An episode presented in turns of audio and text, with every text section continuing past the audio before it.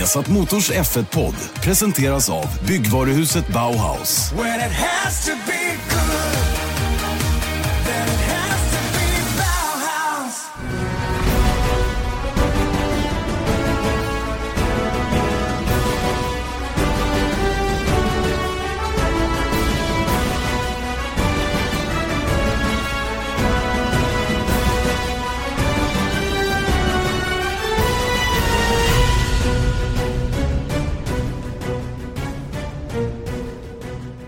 Hjärtligt välkomna till uh, ny Formel 1-podd. Vi kommer tillbaka med en dåres envishet varje vecka.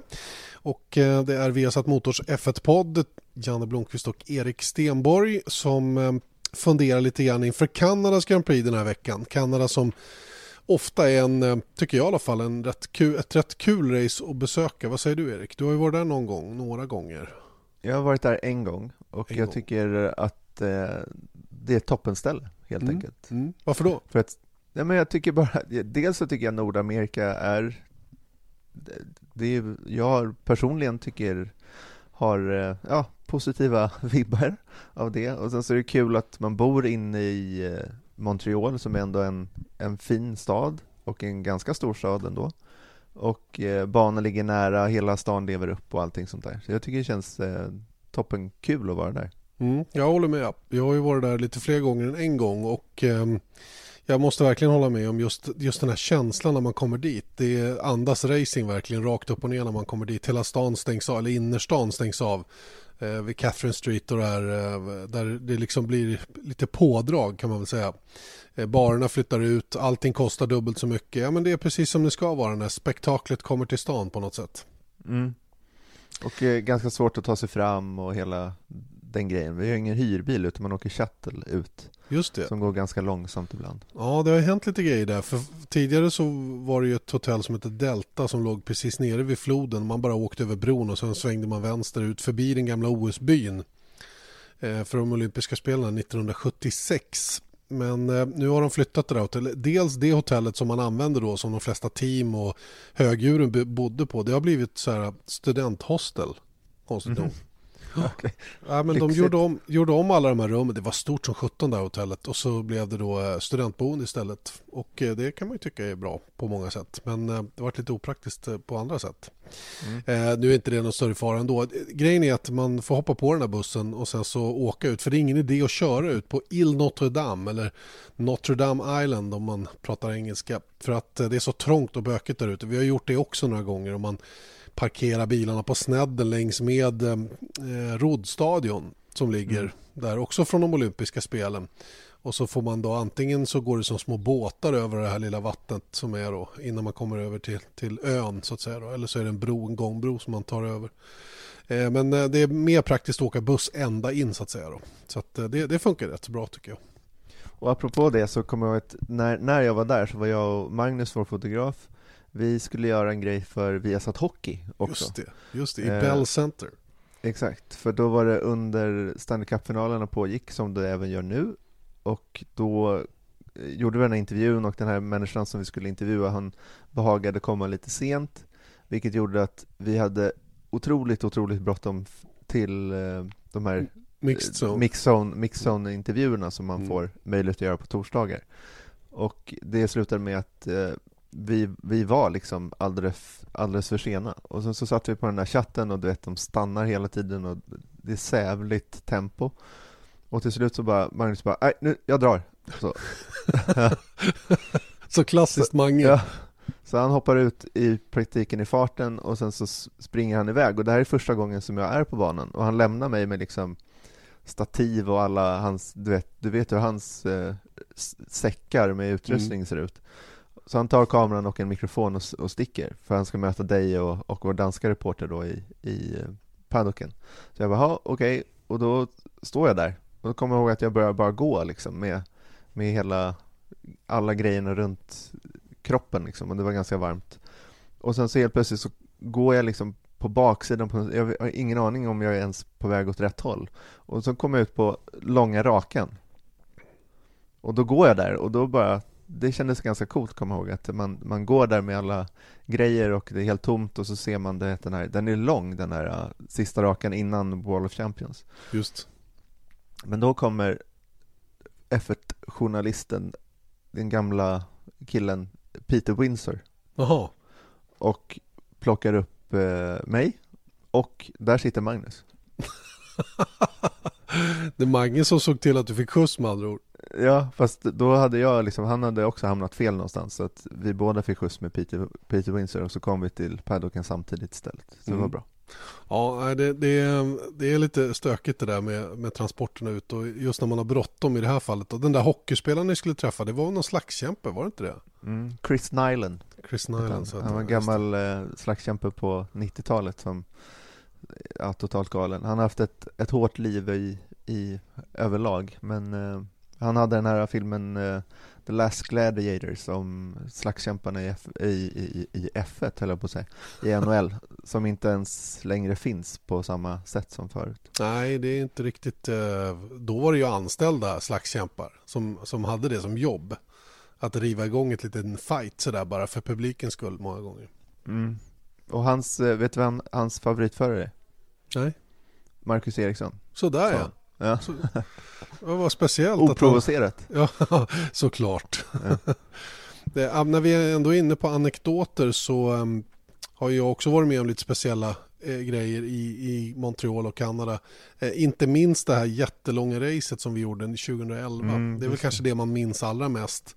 Eh, vi höll på i över fem timmar tror jag med, med sändningen då där det kördes och det blev rödflagg och det, vi satt och pratade och regnet öste ner och det hände inte så himla mycket och sen så började de köra igen och det blev en oerhört dramatisk avslutning. Jenson Button kör förbi Sebastian Vettel på sista varvet och Button som var fem gånger i depån och fick en bestraffning för han körde ihop fyra gånger tror jag. Ja, nej, det var, det var ett osannolikt race alltså på alla sätt och vis och, och, och, vi kunde inte få en mer dramatisk avslutning på det än det blev. Och att det var just han som gick och vann den gången också.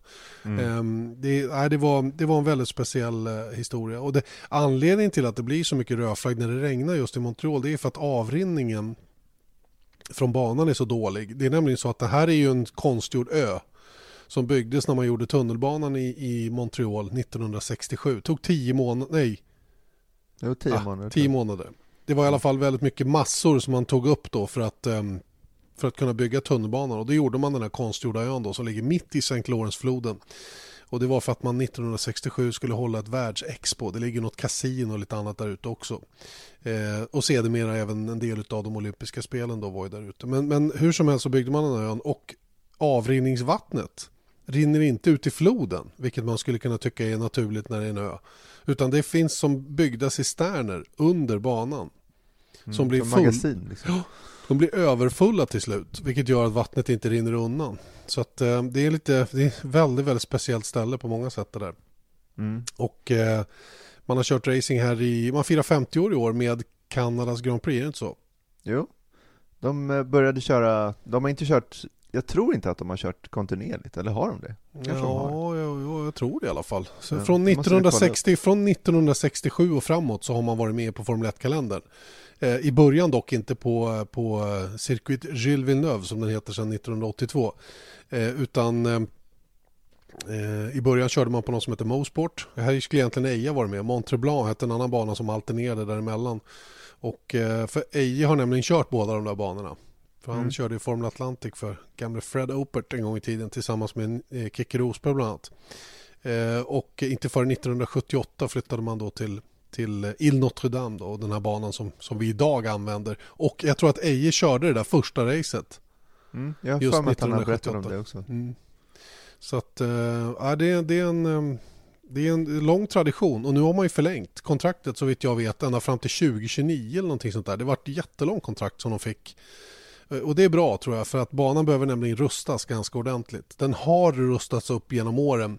Till exempel så hade, när första gången jag var där då hade man ett gammalt mediacenter eh, mm. som var så trångt, så trångt, så trångt. Alltså det gick, jag fattar inte hur folk fick plats. Det var på två våningar dessutom.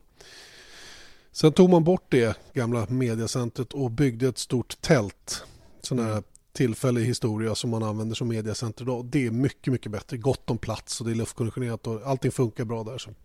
Mm. Men, men, det är fortfarande ett tält. Ja det är det ju, det är det ju. men det, det, det faller sig naturligt där ute för det, det är liksom ingen idé att bygga någonting permanent ute på ön där. Utan det är bättre att göra de här typerna av lösningar. Och det gäller ju samtidigt alla högkvarter som, som teamen har. Det man normalt sett kallar för motorhomes är ju här baracker som är ditlyfta då mm. eh, dit transporterade och eh, inte speciellt stora de heller. Det här är ju den trängsta paddocken av dem allihopa. Tidigare var ju Brasilien också ganska trång men där har det blivit bättre. Men i Kanada är det tveklöst den, det mest trånga stället som finns på hela, mm. hela Kanada. Alltså jämför eh, Kanadas GP med Kinas GP där man kan liksom landa en jumbojet liksom i paddock för att det är så himla brett. Och här kan man typ, här kan man, här, om jag lägger mig typ raklång så har jag fötterna inne på en hospitality och sen så huvudet i garaget. I garaget. Ja. ja men det är verkligen så. Det är en bra beskrivning för att eh, men om, om vi ska vara allvarliga, en Cessna landar du lätt i Kina. En, ja. Lätt alltså. En, en e-motor flygmaskin. Den skulle både hinna stanna och, och vända och lyfta igen.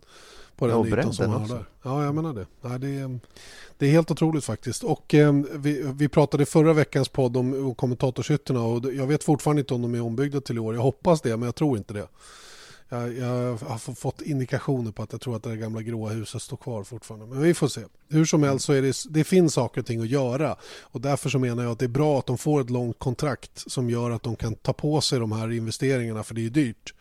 Mm. Och, och, fixa till lite grejer. Jag, jag måste säga att det, det är närmast ett krav nu med tanke på hur det har blivit och hur det ser ut där.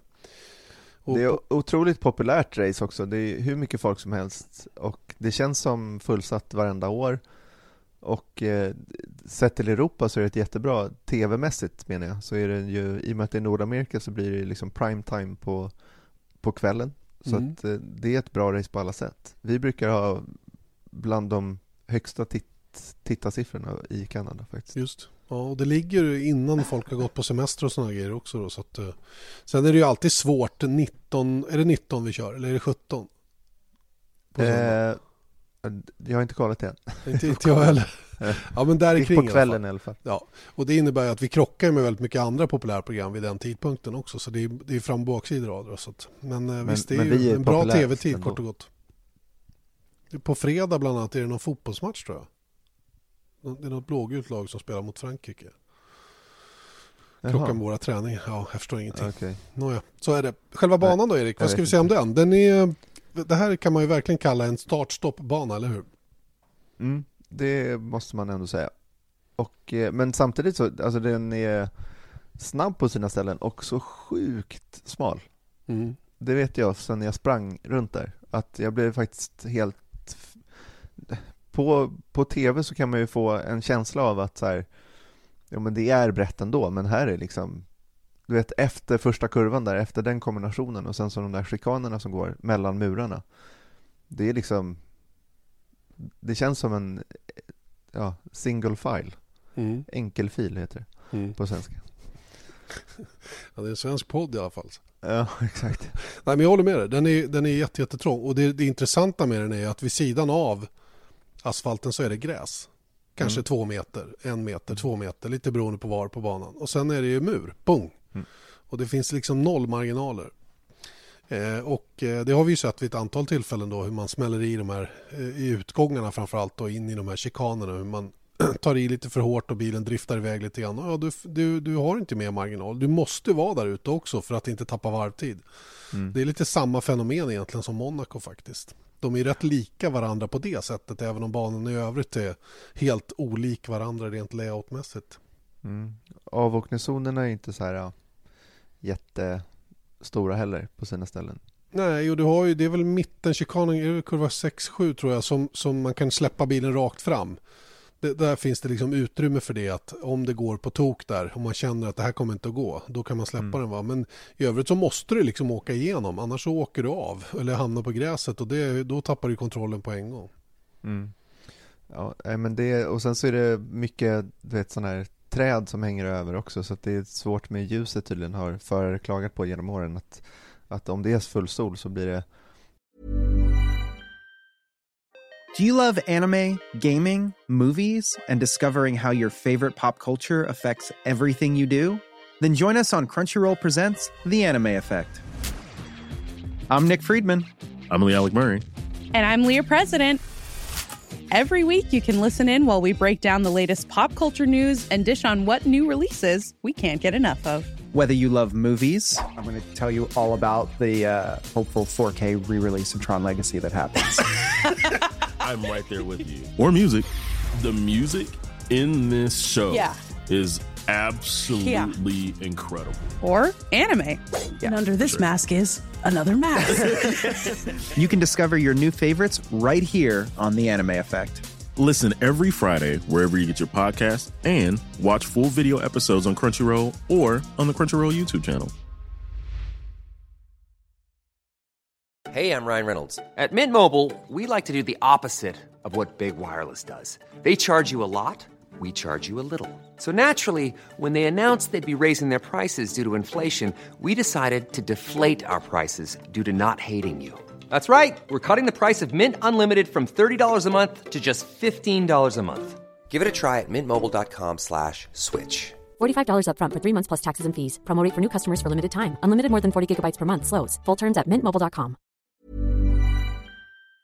Det är svårt med avståndsbedömningen på något sätt, att när det är så mycket kontrastljus. Mm. Eh, Så det är en tuff bana tror jag alltså, att köra. Verkligen. Och den kräver fantastiskt bra och stabil bil under inbromsning. Och den kräver bra engine power. Alltså du behöver mycket effekt på, på långa rakarna. Och, och du behöver också bra traction ut ur den långsamma kurva 10 där som leder ut på långa rakan. För att ju fortare du kommer upp i fart desto större möjligheter har du att försvara dig då. För att DRS-zonen eh, kommer inte att vara jättegenerös tror jag. Och sen är det ju svårare i år med DRS rent allmänt med det nya reglementet. Men jag tror att det kan vara bra att det finns DRS i alla fall för, för omkörningsmöjligheterna är inte jättemånga. Det är in i kurva 10 som man kan dyka för där finns det många spår att ta.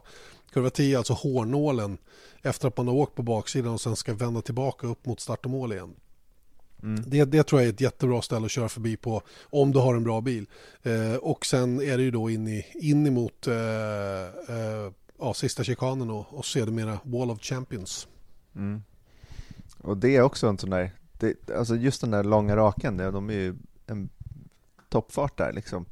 Och sen så ska de in på, in i depån rakt fram eller eh, i, genom den här chikanen med en mur på utsidan som har skördat en del världsmästare, därav namnet. Just det. Och det började, egentligen började alltihopa 1999 faktiskt med eh, att det var tre världsmästare som smackade in där. Damon Hill, Michael Schumacher och Jacques Villeneuve. Och eh, det står ju då välkommen till Quebec står det på muren där. Och det var ju liksom en eh, den slogan som man har då för Quebec stod på den där muren. Och eh, efter det då när de här killarna hade kört in där då blev den kallad för Wall of Champions. Sen var Ricardo Sonta som vid den tiden var världsmästare i GT-bil också in i den där muren. Eh, Nico Rosberg har smakat på den, Jean, Pa- Jean Pablo Montoya då kart, kartmästare. Eh, Carlos Sainz som är eh, 3,5-mästare i Formel Renault 3,5. Jenson Button världsmästare i Formel 1 2009 och så vidare. Och så vidare. Så att, ehm, Vettel gjorde det Vettel har också varit emot, ja precis. Så att det, det, det är verkligen the wall of champions. Och den suger in folk och det är även an, andra förare än, än eh, världsmästare som har varit i såklart. Men eh, det är rätt så, ja det är en rätt, eh, det är, det är en speciell sväng och snacka om att det inte är några marginaler i utgången här. Mm. Nej, uppenbarligen inte. Och, och Erik, en sak som blir lite spännande som vi såg resultatet av också i Monaco det är att bilarna är ju en decimeter, eller två decimeter bredare i år. Mm. en decimeter på varje sida. Och det innebär ju då att det blir ju, du har andra referenser. Du måste ha andra referenser och det, var, det tyckte jag syntes tydligt i kurva 15 där när de gick i förbi poolen i Monaco. Hur några siktade som de alltid har gjort. Mm. Men att det blev lite för tajt. Vi hade ju ett par förare som slog i till och med och slog av framhjulet där. Kanske kan det bli något liknande genom chikanerna här i Kanada. Ja, eller så var det där de övade nu så att de, Ja. är, de är klara med det. Så kan det vara. Så kan Ja. det vara. Varför Ja, inte? men de, de bilderna faktiskt alltså, i, eh, i Monaco när man såg att de var ju liksom på. Mm. Man Och- ser liksom att metallräcket, ja exakt, metallräcket fjädrar liksom för när de kommer in dit. Det var faktiskt, eh, då, då är det, det säger en del om Monaco. Verkligen, verkligen. Spe speciellt. Eh, banan är ju eh, medium till låg downforce. Det betyder att du behöver trimma ner downforcen ganska ordentligt på bilarna. Eh, dessutom är det ju eh, lågt däckslitage. Det innebär ju att man kör eh, Ultrasoft, Supersoft och Soft eh, som däckblandningar då ifrån, eh, ifrån Pirellis sida. Och om trenden håller i sig så tror jag att det blir noll körning på Soft. Det är för hårt och sen eh, fokuserar man all körning då på, på Ultra eller Supersoft och det är, så ser det ut i år med, med så som däcken är byggda. Mm. Ja, absolut. Och det är ju på samma sätt som i Monaco så där är också asfalten väldigt slät, eller det, det, det liksom ger ingen energi till däcken. Det är samma sak i, i Kanada, eller liknande som i, i Kanada. Vilket gör att det gör att man osökt börjar tänka på vilka kommer det här funka på mm. för? Äh, men ja, för mig är bilden rätt klar tycker jag. Eh, dels, ja, det har två anledningar. Dels så eh, är det ju för att vi kör Ultrasoft Eh, och eh, där tror jag definitivt att, att, Ferrari har övertaget fortfarande. De har en bil som bättre genererar energidäcken och får dem att fungera och komma in i fönstret på ett, på ett bättre sätt. Eh, Mercedes ehm, har motorstyrkan fortfarande men frågan är vet, om inte Ferrari är på, på par med dem när det gäller just den biten också och inte behöver offra någonting för att ha samma toppfart så att säga. För att nyckeln här är ju att kunna köra lite, lite mer downforce utan att tappa toppfart. Mm. Då, då blir du ju oerhört effektiv och snabb genom de här snick, eh, knixigare partierna på baksidan av banan. Men, men är det så som Sauber kommer att tvingas göra till exempel att trimma av så mycket downforce det bara går för att överhuvudtaget inte bli uppkäkade på långa rakan där, då, då, då blir ju bilen därefter också under inbromsning och vad det nu blir för någonting. Va? Så att, eh, där, där tror jag, jag tror att Ferrari fortfarande har ett, ett rejält övertag. Dels på däcksidan men dels också att man är i kapp Mercedes när det gäller motoreffekt. Mm. Men du, jag tänkte på en sån grej då, att med tanke på att det har varit problem för Mercedes när det är varmt, till exempel i Bahrain eller vad man ska säga, att, att då hade, fick de problem med för högt däcksslitage, mm. så de var ju tvungna att gå in tidigare. Så såg vi i, i eh, Australien redan också. Om det är så nu att på en bana där det är lågt eh, energi in i däcken, som, mm. som vi pratade om i, i Monaco och, och Montreal, om det är väldigt varmt då, så att det ger mer värme i alla fall in i däcken. Förstår du vad jag är på väg? Ja, jag fattar vad du menar, va, va, fast det är två va, olika typer av värme. Ja, exakt. Men förklara. Jag ja, tycker det är lite intressant. Jag tror att eh, det, det som Mercedes har problem med är nog inte yttemperaturen. Om ni förstår vad jag menar. Det är inte att hålla värme i själva däckytan. Där är det väl snarare tvärtom för deras del att de överhettar ytan också. Vi hörde ju till exempel Lewis Hamilton klaga över under racet i Monaco senast att the rears are overheating säger han. Det är ju inte, det är ju att ytan går varm. Han spinner loss helt enkelt. Och när du pratar om eh, Bahrain så var det ju det att eh, till exempel hade ju Bottas problem med för högt däcktryck när racet började. Vilket gjorde att slitaget blev för, för hårt för hans del. Rent generellt så är det väl så att jobbar man inte någon energi i däcken på rätt sätt så att man får däcken att komma in i fönstret. Och det här handlar inte om yttemperaturen utan bulktemperatur, att man kommer upp i rätt, med rätt däcktryck så att man jobbar däcksidor och allting på ett sätt som gör att däcket mår bra så att säga, om ni förstår vad jag menar. Och när det mår bra, ja då, då kommer det in i det arbetsfönster där det ska vara både när det gäller ytan på däcket och när det gäller däcktryck och sådana grejer. Och där verkar Ferrari ha en klar fördel gentemot Mercedes. Sen tror inte jag att det spelar jättestor roll eh, utetemperaturen totalt sett för hela paketet. Det är klart att ut, eller asfaltstemperaturen spelar roll för hur bra däcken fungerar. Så är det ju. Mm. Men, men, eh, jag tror att det är mera i Mercedes fall det handlar om att man inte på samma fina sätt som man har gjort tidigare då, jobbar däcken in i arbetsfönstret lika effektivt i alla fall som, som Ferrari gör. Och det gäller framförallt de mjukaste gummiblandningarna, vilket är lite intressant. För i Barcelona mm. funkade det alldeles utmärkt, vilket är en helt annan typ av bana med mycket downforce, eh, mycket energi i däcken och då blir Mercedes helt enkelt eh, konkurrenskraftiga. Mm. Då kan jag meddela dig att eh, prognos fredag, spridda, spridda och skurar. All right. 23, grader, 23 grader varmt. Lördag halvklart, 23 grader varmt. Söndag regnskurar, 26 grader varmt. Mm. Det här är ju på tisdag, så att eh, prognosen kan förändras. Men, eh, alltså tisdag när vi spelar in det här. Det. Men, eh, men det kanske inte blir så mycket ens ultrasoft-körning om det blir lite regn. Nej, fast jag har också tittat på prognoserna. Jag vet inte om jag såg att det skulle bli sådär jättemycket regn. Men vi får väl se. Det är ju, regnat brukar det ju kunna göra i Montreal. Mm. Och, det, och det, är liksom, det, det, är den tiden på året när det kan komma de här dels kan det vara väldigt, väldigt varmt. Och, och Mm. när det blir så här oerhört varmt så brukar det generera åskoväder och riktiga så här, ja, vad ska man säga, riktiga skyfall som kommer under perioder. Till exempel som vi hade då 2011. Eller så brukar det vara kallt. Var det inte Mm. förra året de fick åka och köpa kläder? Jo, var jag med tror- förra året? Eller var det två år sedan? Jag kommer Jag inte ihåg nu. Ja men när det stod på med mässor och sånt. i- Ja, det var ju Eje och Mange. De fick ju åka till en affär och, och handla kläder för att det var så himla kallt. Jag tror att det Mm. var förra året. Eller om det var Ja, jag året innan. var, ja, det var nog det. Men då ser det i alla fall bättre ut i år. Ja, det gör Det det. Onekligen. All right, vi, vi lämnar den biten då. Red Bull däremot är ju ett team som, ehm, som känner själva i alla fall att de kommer att ha lite problem på de här banorna som de kommer nu. De tre närmaste banorna där det kräver mindre downforce, mer toppfart och eh, inte riktigt på samma sätt eh, ja, jobbar bilen som, som till exempel Monaco och Barcelona gör då, där, där den har sett bättre ut än vad den kanske är då. Mm. Samtidigt så, ja, det är Christian Horner själv som har sagt det här att det här kommer vara eh, tufft och de, de eh, jag menar, i Spanien så var, har de varit på pallen tre, två gånger i rad nu va? Ja, Daniel Ricciardo har två raka. Just det, men till och med i Spanien då så var ju han, och då pratade de om att det är så bra, att det var bra för det var high, high downforce i, eh, i Barcelona. Att det kunde utnyttja, eller inte high downforce, men aerodynamiskt krävande. Ehm, samtidigt var ju de över en minut bakom på tredje plats. Så att eh, de är ju fortfarande av, så att säga. Ja, verkligen. Eh, Verkligen. Och eh, jag tycker det är lite... Ja, vi har ju berört det här tidigare varför Red Bull är i det läge de är och det har inte förändrats någonting våra åsikter i det avseendet. Men det är ju det är, det är märkligt ändå att ett team av den här kalibern har haft så svårt att få till det eh, till 100 procent.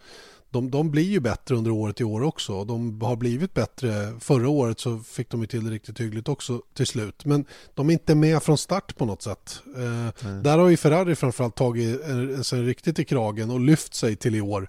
Sett till att man redan när, när säsongen börjar är på nivå där man kan vinna race. Ja, det var länge sedan vi såg Red Bull vara på den nivån. Det var, det var 2013 senast och jag menar det, det är lång tid tillbaka nu och det var ju ett annat reglemente. Nu hade de ju ändå chansen att vara med på banan i och med att vi bytte reglement igen. Visst, de kör Renault-motorer vilket de själva tycker är en liten nackdel fortfarande va? men de nej, hade... nej, nej, nej, nej, de kör Aston Martin. Ja, ja, De eller bytte. Tag Heuer är det väl till och med. Ja, just det, det är det jag menar. Ja. Sorry. Hur, hur som helst så liksom, det, jag vet inte, jag är, jag är oerhört förvånad över att det är som det är och vi, vi pratade ju om det för någon eller några poddar sedan om, om Adrian Newis påverkan på saker och ting, att han har blivit tvungen att kliva på igen nu för att se till att man kommer upp på rälsen igen och, och är med i matchen. Och vi får väl se hur lång tid det kommer att dröja innan de, de är med där framme. Sen så väntar ju alla Renault-teamen då, jag är ledsen att göra det besviken, men det är en Renault-motor i Red Bull-bilen Mm.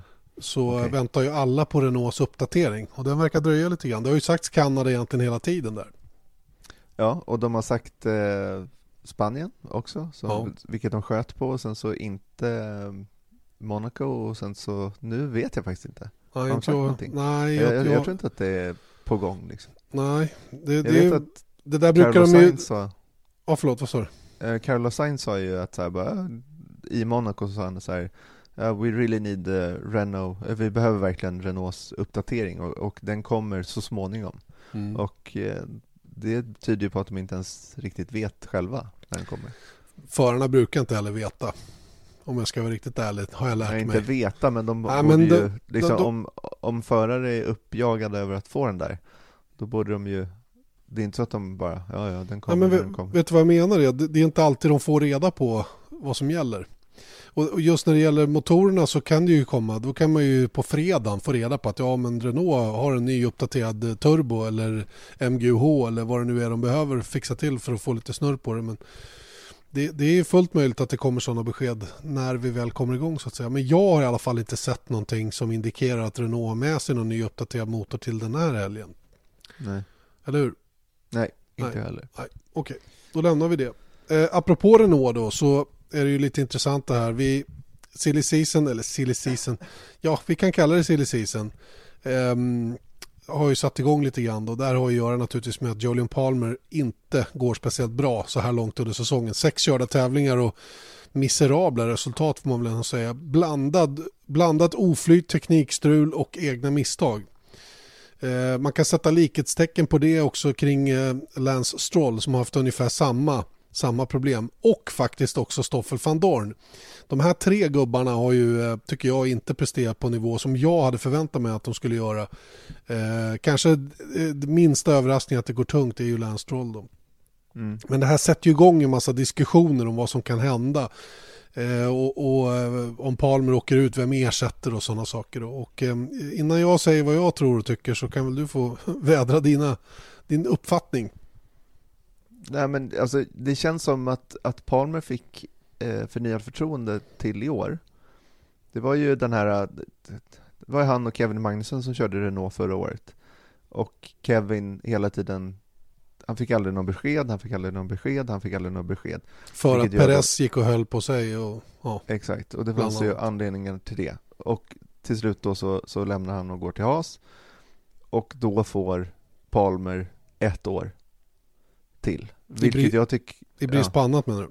Ja, och det är det jag känner att så här, det var nog i brist på annat. För de ville inte ha eh, Palmer kvar tror jag som förstahandsval utan de ville ha Perez eller, eller någon annan. De fick Hylkenberg. Eh, och då låter de Palmer stanna kvar och det var ju i väntan på någonting större till 18, mm. tror jag. Mm, tror jag också. Och, ja, så att rent krast så, så här, ja, det har gått jättedåligt. Han har inte tagit några poäng. Eh, sen så är inte Renault speciellt supersnabb. Den är inte så konsistent med där uppe i alla fall. Och eh, jag vet inte, jag tycker fortfarande att så här, logiken säger ju att man sitter kvar med Palmer. Förstår du hur jag tänker? Jag förstår precis hur du tänker. För att fortfarande så väntar man ju på 2018 för att mm. få någon, någon, bra och då är frågan om vem, om man sparkar ut Palmer, vem kommer då in som Just är bättre det. alternativ? Just det. I varje fall utifrån. Mm. för mig finns det inga bättre alternativ utanför, sport, utanför Formel 1 just nu. Nej. Det gör det inte. Det är så pass komplicerat att kliva in idag om man har varit borta från, från det här ett antal år. Att det skulle ta kanske två, tre månader innan en sån förare skulle komma upp på en nivå att han gör ett bättre jobb än Palmer gör. Tror mm. jag. Och därför så är ett sånt byte finner jag ingen mening med. Utan ska, ska Renault byta bort Palmer så måste de byta bort honom mot någonting som finns på griden redan. Mm. Och då har, vi, då har vi minskat antalet möjligheter ganska drastiskt. Mm. Eh, vilka Men som jag måste bara, de, de säger ju också att så här, Buemi, folk nämner. Sebastian. Buemi. Och det är också så här, när körde han senast? Det var ja. 2013. Ja. Jag tror inte att han, han har inte ens kört de här jag har kört någon showcar och lite sådana grejer. Men, men ja. det, det, är obetydligt. Det är fortfarande så att det, det är för stor omställning ändå. Han är en jätte, jätteduktig förare. Herregud, det är inte frågan om det. Det finns massor med andra som är supersnabba och duktiga också. Button visade ju att det faktiskt går att hoppa in mm. med rätt kort varsel. Men Button har inte varit borta speciellt länge. Han Nej. borta två, tre månader eh, innan han tvingades göra sitt inhopp och gjorde det med den äran. Va? Men, men har man varit borta i tre, fyra år då är det en helt annan grej. Och eh, kan inte, jag kan inte för mitt liv se att någon utifrån skulle gå in och göra ett bättre jobb än vad Julian Palmer gör just nu. Sett till, sett till vilka förutsättningar en sån förare skulle få med noll testning, lite, lite simulatorkörning för att lära sig system och sådana grejer på bilen. I övrigt så måste han ut på banan och göra det under tävlingshelgerna. Och vi vet ju alla hur knepet det kan vara. Ja, och kolla på Giovinazzi, han fick ändå, han är rookie och sådär, men han fick ju testdagar innan. Så att det hjälpte honom väldigt mycket i Australien och i Kina. Mm, han fick köra lite grann i Barcelona ja. Mm. ja. Ja, det var helt nödvändigt tror jag faktiskt. Mm. Sen är ju då frågan vad som händer. Vem skulle kunna vara aktuell eh, och hoppa in istället för Palme? Ja, det, det finns det finns några stycken och det är ju på den undre halvan givetvis. Ifrån privatteamen man skulle kunna fånga in någon förare då som möjligen går att köpa loss på ett eller annat sätt. Va? Sen, kan ju folk, sen får ni räkna ut själva vilka det skulle kunna vara. Jag vill inte namnge någon för jag vet inte vilka som skulle kunna vara aktuella. Ta Perez då, om han, han tror jag är väldigt eh, såhär, han är attraktiv på marknaden, kör väldigt bra och är stark och aggressiv och gör ett kanonjobb hos Force India. Går han att få loss därifrån? Ja, det kanske Nej. han kan. Det, det tror inte jag. Ja, det jag beror på. Han vill. Eh, Det är en annan sak. Det vet inte jag heller om man vill. Men, men han, han är ju en sån förare som man naturligtvis försöker dra i och kolla med hans management om det är möjligt och, och krypa ur det kontraktet. Och vad kostar det att köpa loss honom och så vidare. Och så Men de vidare. gjorde ju redan det, alltså under off-season. Absolut. Där, han, men han gick ju inte till Renault då, varför skulle han hoppa in dit Nej. till en sämre bil där han ligger sämre till i VM? det, du har helt rätt i det. Men det beror ju på vad de lockar med den här gången så att säga. Va? Det kanske är andra förutsättningar nu. Eh, längre kontrakt i bakfickan där han kanske får tre år. Jag har ingen aning. Jag bara spekulerar. Den, andra killen Ocon. Ja, skulle han flytta på sig, ja, det kräver att Mercedes och Renault förhandlar med varandra på något sätt. Det som Och- talar för honom är att han är fransman. Precis, precis. Och ehm, kanske man tittar på Romain Grosjean, ta, ta tillbaka honom till Enstone igen, inte vet jag. Alltså, det, det är liksom, ni märker själva, det här är inga lätta grejer och det kan bli dyrt för Renault eh, att göra någonting liknande också. Och det innebär ju då att ska de göra det här och tycka att det är värt pengarna Eh, ja, det är det som är frågan och jag tror att det är just den här faktorn som gör att Palmer faktiskt har en hyfsad chans ändå att få stanna kvar. Jag tror inte han får göra det, men, men jag tror han har en hyfsad möjlighet att få stanna kvar just med tanke på det komplicerade läget rent kontraktsmässigt för den man vill stoppa in istället. Glöm bort eh, Kubica och sådana grejer. Sirotkin tror jag inte heller på. Oliver Rowland i F2. Alla de här är duktiga racerförare men de är för långt efter redan innan.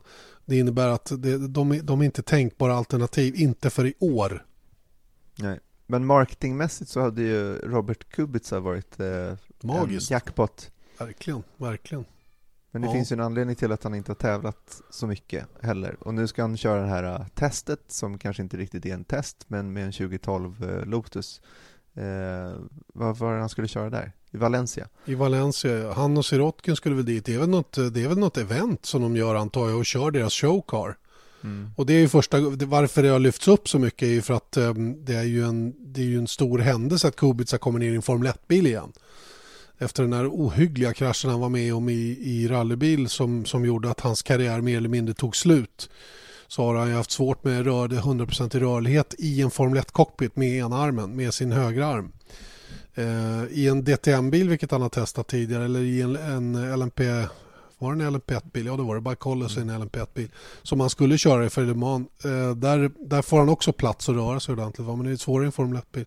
Nu är det väl kanske inte jätteallvarligt längre. Va? Men tiden har gått för Robert Kubica och jag tror inte han... Jag tror inte... Jag tror faktiskt inte han skulle leverera om han kom in i Formel 1 idag. Nej, det är otroligt svårt att säga. Mm. Men för att sammanfatta situationen med, med Palmer just nu är att om man ponerar då att ingen utifrån ska komma in och ersätta honom i Renault då blir det ju direkt, säg att eh, om eh, skulle Ocon flytta Mm. till Renault okej, då måste man fylla någon i hans sits i Force India, det måste Force India vara med på Just. och antagligen så känner de samma sak, att de vill inte heller ha någon utifrån. Och sen så kommer någon, alltså förstår du, då är maskineriet igång. Det kanske Ja. är fyra förare som måste flytta på sig. Mm.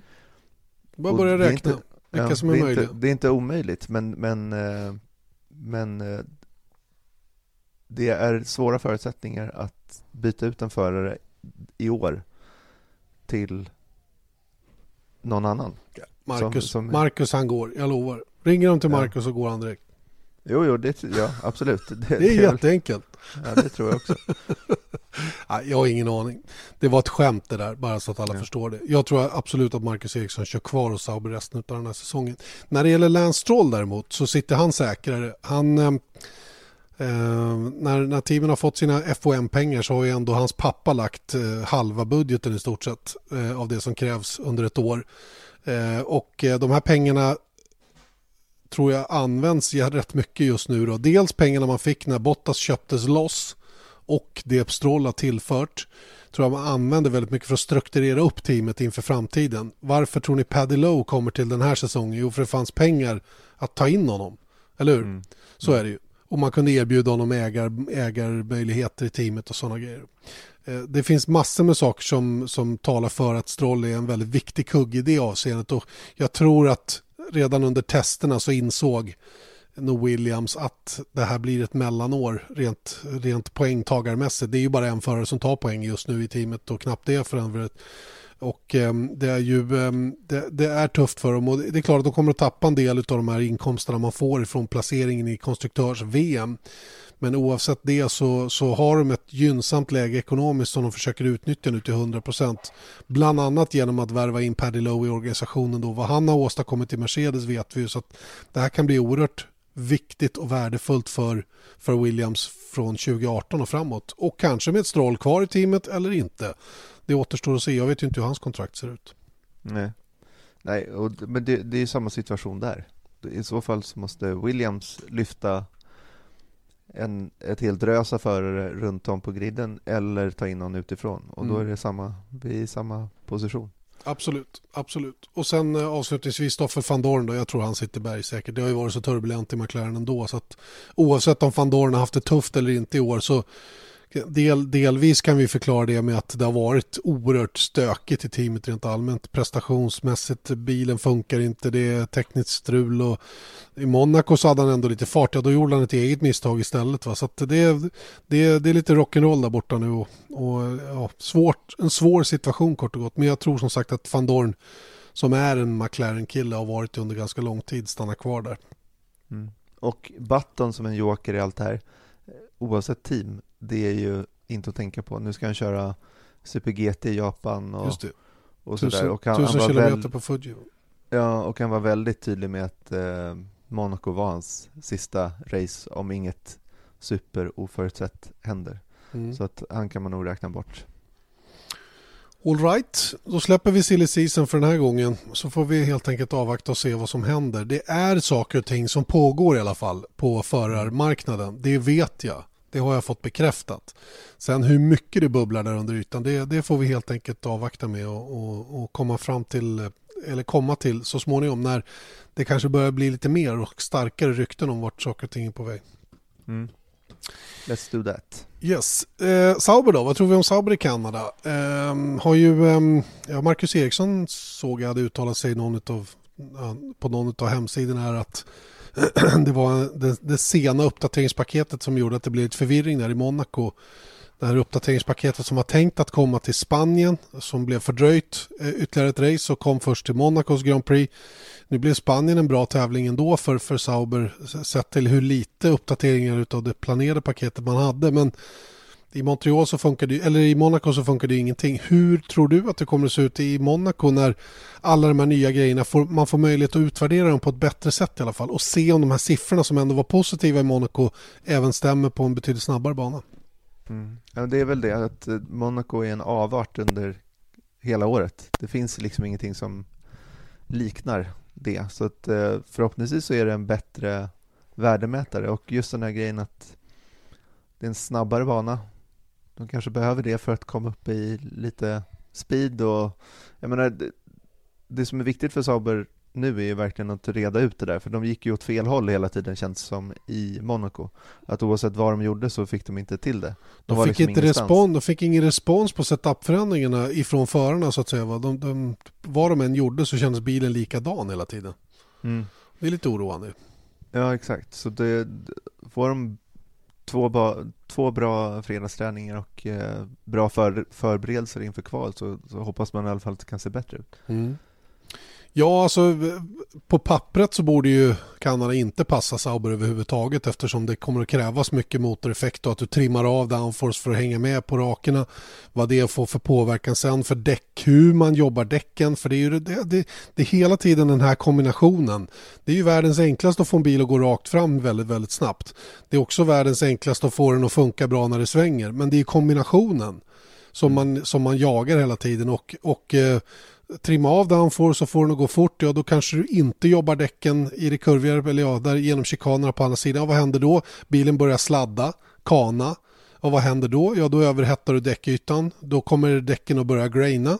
Eller så kommer de inte in i arbetsfönstret överhuvudtaget och du tappar jättemycket tid. Så det här är ju en enormt svår ekvation att få fungera till 100% och det är ju det här som är Saubers svaghet så att säga gentemot Mercedes, Ferrari just nu, delvis Red Bull och kanske några andra team som, som har en bättre grund att stå på från början, va? där de vet men vi ser ju också att det blir problem för ett team som Mercedes när de måste börja tänja på gränserna så att säga eh, gentemot Ferrari i det här fallet då, då kommer de också råka ut för att de kanske går vilse med setup, vilket de gjorde delvis i Monaco senast. Då det, det är tufft, ett tufft läge, men ju längre ner på griden man kommer, desto större blir ju det här problemet såklart. Mm. Och jag ska inte säga att jag har några höga förväntningar på Sauber just för, på grund av motor. Alltså det är det, vi har pratat om det tidigare nu också, att Montreal är en motorbana just på grund av de här start och stopp. Och där är de långt efter redan där. Men just den där grejen att det man kan hoppas på är att de har ja, ger lite eh, självförtroende i bilen för att de känner att de kan ändra den och kan åtminstone göra så att den känns bra i deras, eh, på deras nivå. Mm. Skulle man önska någonting som lekman och som har noll koll på hur ingenjörer jobbar och en bil, hur data ska se ut så skulle jag i alla fall mer gå mot att försöka jobba däcken och bilen, alltså bilen så att däcken fungerar bra snarare än att jaga 5-7 km i timmen rakt fram. Även om det blir tufft att stå emot i racet så kommer de ju sannolikt att ha merparten av bilarna framför sig. Mm. Och eh, jag vet inte, det, det, där är svårt också för att eh, har man de flesta framför sig då måste man försöka ta sig förbi och det är inte så lätt om man inte räcker till rakt fram. Å andra Nej. sidan om man har en bil som man kanske kan kvala hyfsat med säg 14-15, ja då har du en massa bilar som snabbt kommer att flåsa dem i nacken i racet istället. Va? Så det, det är jätte, jättesvårt det där att veta åt vilket håll man ska gå och vilken kompromiss som, är, som blir den bästa så att säga. Mm. Ja, men det, det som man kan ta med sig är att Sauber har, när de haft det så jobbigt de här senaste åren, är att de fokuserar på track position. Försöker i alla fall vara i ett läge så bra långt fram som möjligt. Mm. Eh, och sen så försöka att inte trilla bakåt för att de vet att de inte kan köra om. Speciellt med den här bilen. Typ som de klarade i Barcelona. Exakt. Och som de och. inte har klarat på många andra ställen. Kan, ja. Eller eh, Austin förra året, ett annat bra exempel på hur det gick åt andra hållet. Mm, att det bara föll, föll bakåt för de mm. visste att de inte skulle kunna pusha sig om någon. Och eh, det är väl ungefär exakt samma sak vi kan förvänta sig denna helg och då kan man ju förvänta sig kanske ja, det är klart att de kommer försöka kvala så högt upp som möjligt men lyckas inte det så kommer de ju behöva hitta på någonting strategiskt. Mm. Vilket är svårt att lyckas med när man har en dålig bil. Exakt, och då är vi tillbaka ja. till de här gamla diskussionerna att folk tycker att Sauber är klantiga rent av ute vid depådisken och väljer fel taktik och de gör si och de gör så. Varför skaffar de ingen annan strateg och hela den grejen? Det är inte så enkelt och det har vi också försökt förklara många gånger. att det här är enormt svåra beräkningar att göra hur man ska, hur man ska få till det. Och, och var det inte Alan Permain som sa det i Malaysia förra året att är man där nere då, då är, spelar det ingen roll om man blir, ja det är klart för teamet spelar det ingen roll om man blir 15 eller 17 eller 18. För en förare är det viktigt att göra så bra resultat som möjligt men för teamet så spelar inte det någon roll för då kan det vara värt till och med att chansa på en udda strategi för att om den går, går hem ja då mm. kan man vara tia. Mm. Att, och det är, då, det är först då det börjar räknas. Precis, precis. men det, det gör ju att förarna i sin tur då kanske känner sig lite snuvade på konfekten och själva inte får möjlighet att, att ja, komma därifrån med så bra resultat som det bara är möjligt. Mm. Vilket får mig in på att jag fortfarande önskar att alla ska få poäng i Formel 1. Jaha, ja, ja, ja. Mm, visst. Ja. För då, blir det, då spelar det roll om man kommer 12 eller 14. Ja. Också. Det spelar mm. mer roll det gör det. Det gör det absolut. Mm. Nej, men det är, du, har, du har en poäng med det, absolut. Absolut, jag säger inte emot. Nej. Så att vi framför det till Ross Braun, det är han som bestämmer. Mm, vi har många lappar nu, så har du lämnat fram någonting? Ja, ja allting, allting är klart. Han har fått ett helt kompendium av mig. Ja, men det är bra. Han ser lite besvärad ut när jag dyker upp. Okej. Okay. ingen större fara. Hörrni, eh, då har vi kommit till, eh, till veckans lyssnarfråga, Erik. Mm. Och eh, det är Louise Persson som frågar. Vi har fortfarande inte fått någon ljudfil, men hon ställde den här eh, via eh, Twitter. Vilket är ert största F1-minne? Oj, det var en speciell fråga. Mitt största F1-minne är nog trots allt eh, utanför det sportsliga så att säga då, så är det faktiskt från 1997. Italiens Grand Prix Monza och eh, mitt eh, oerhört eh, varma möte med Sylvester Stallone. Just det. Just det. Det har jag berättat säkert massor med gånger. Men det är ändå ett starkt minne för mig. Och någonting som jag har, har ja, kommer att ha med mig alltid. Att han var där. hur Mm. liten han var. Hur han gick och höll i frisyren. För han var rädd att den skulle åka på sniskan. Han är, vad är han idag? 70 år. Tror jag. Jag, jag, läste, jag läste någonting om det faktiskt. Att han är 70 år idag. Sylvester Stallone. Som då var på plats för att skriva kontrakt med Bernie Ecclestone om att göra en film om Formel 1. Vi vet alla vad det blev för film så småningom. Men det är en gammal historia så den lämnar vi. Men det är ett av de större minnena. Det andra stora minnet är ju förstås från Brasilien 2008. Och där är det en dubbelpipig historia för att där, dels var det ju vår historiska hyrbilsfärd in på banan Just det. som, som blev väldigt eh, så här, ja, det, det blev annorlunda skulle man kunna säga. Men också avslutning på säsongen det året med, med den här magiska fighten mellan Felipe Massa och, eh, och um, Lewis Hamilton som Hamilton gick vinnande ur dem med några sekunders marginal. Nu, nu är det någon som försöker bry, bryta sig in här. Just det, det är din son ja, som kommer fullt kittad för att han ska ut och bada nu. Mm. Vi är i. Frankrike nämligen. Ja. I Biarritz och ska surfa lite och nu... Nej, han kommer inte in. Han Nej. kan inte öppna dörren. Han har snorkeln i vägen. vi, vi, vi fortsätter. Du, har du själv något starkt minne från, från Formel 1 under de här åren som, som du har jobbat med? Nej, inga starka minnen överhuvudtaget. Det har varit ganska ljummet hela vägen. ganska slentrianmässigt allting. Ja. Ja, ja. Nej men det för, första gången jag såg en Formel 1-bil var faktiskt i, jag tror att jag var 15 år gammal. Det var när ITC, det var det som var DTM, körde i Helsingfors på en stadsbana. Ja, just det. Det racet såg jag på tv tror jag. Mm, och då var min far, eh, han var, eh, han körde Porsche Cup hette det då, vilket är väl ungefär Carrera Cup nu. Och då var svenska Porsche Cupen eh, supportklass till ITC. Och då kommer jag ihåg att eh, då var vi där och sen så helt plötsligt så bara, man var, jag hade inte koll på schemat men jag var eh, 15 år gammal och står där och sen står man och tittar ut över banan så hör jag någonting startas upp och sen så började jag köra och då var det en, när var det här? Det var, måste varit 97 kanske? 96, 97 och då kommer Larini i en Nicola F1 Larini. Ferrari Just det. och kör eh, några uppvisnings, uppvisningsvarv då med, med sin Ferrari. V12 Och- Ja, och jag trodde liksom, jag kommer ihåg att jag såg och pratade med pappa att han, han bara, han måste köra på liksom för låga växlar. För att för det varvar så mycket. Ja, det varvar så mycket. Och för att det, ska, det här måste ju vara på skoj, liksom att det här är det, här, det kan inte låta så här mycket.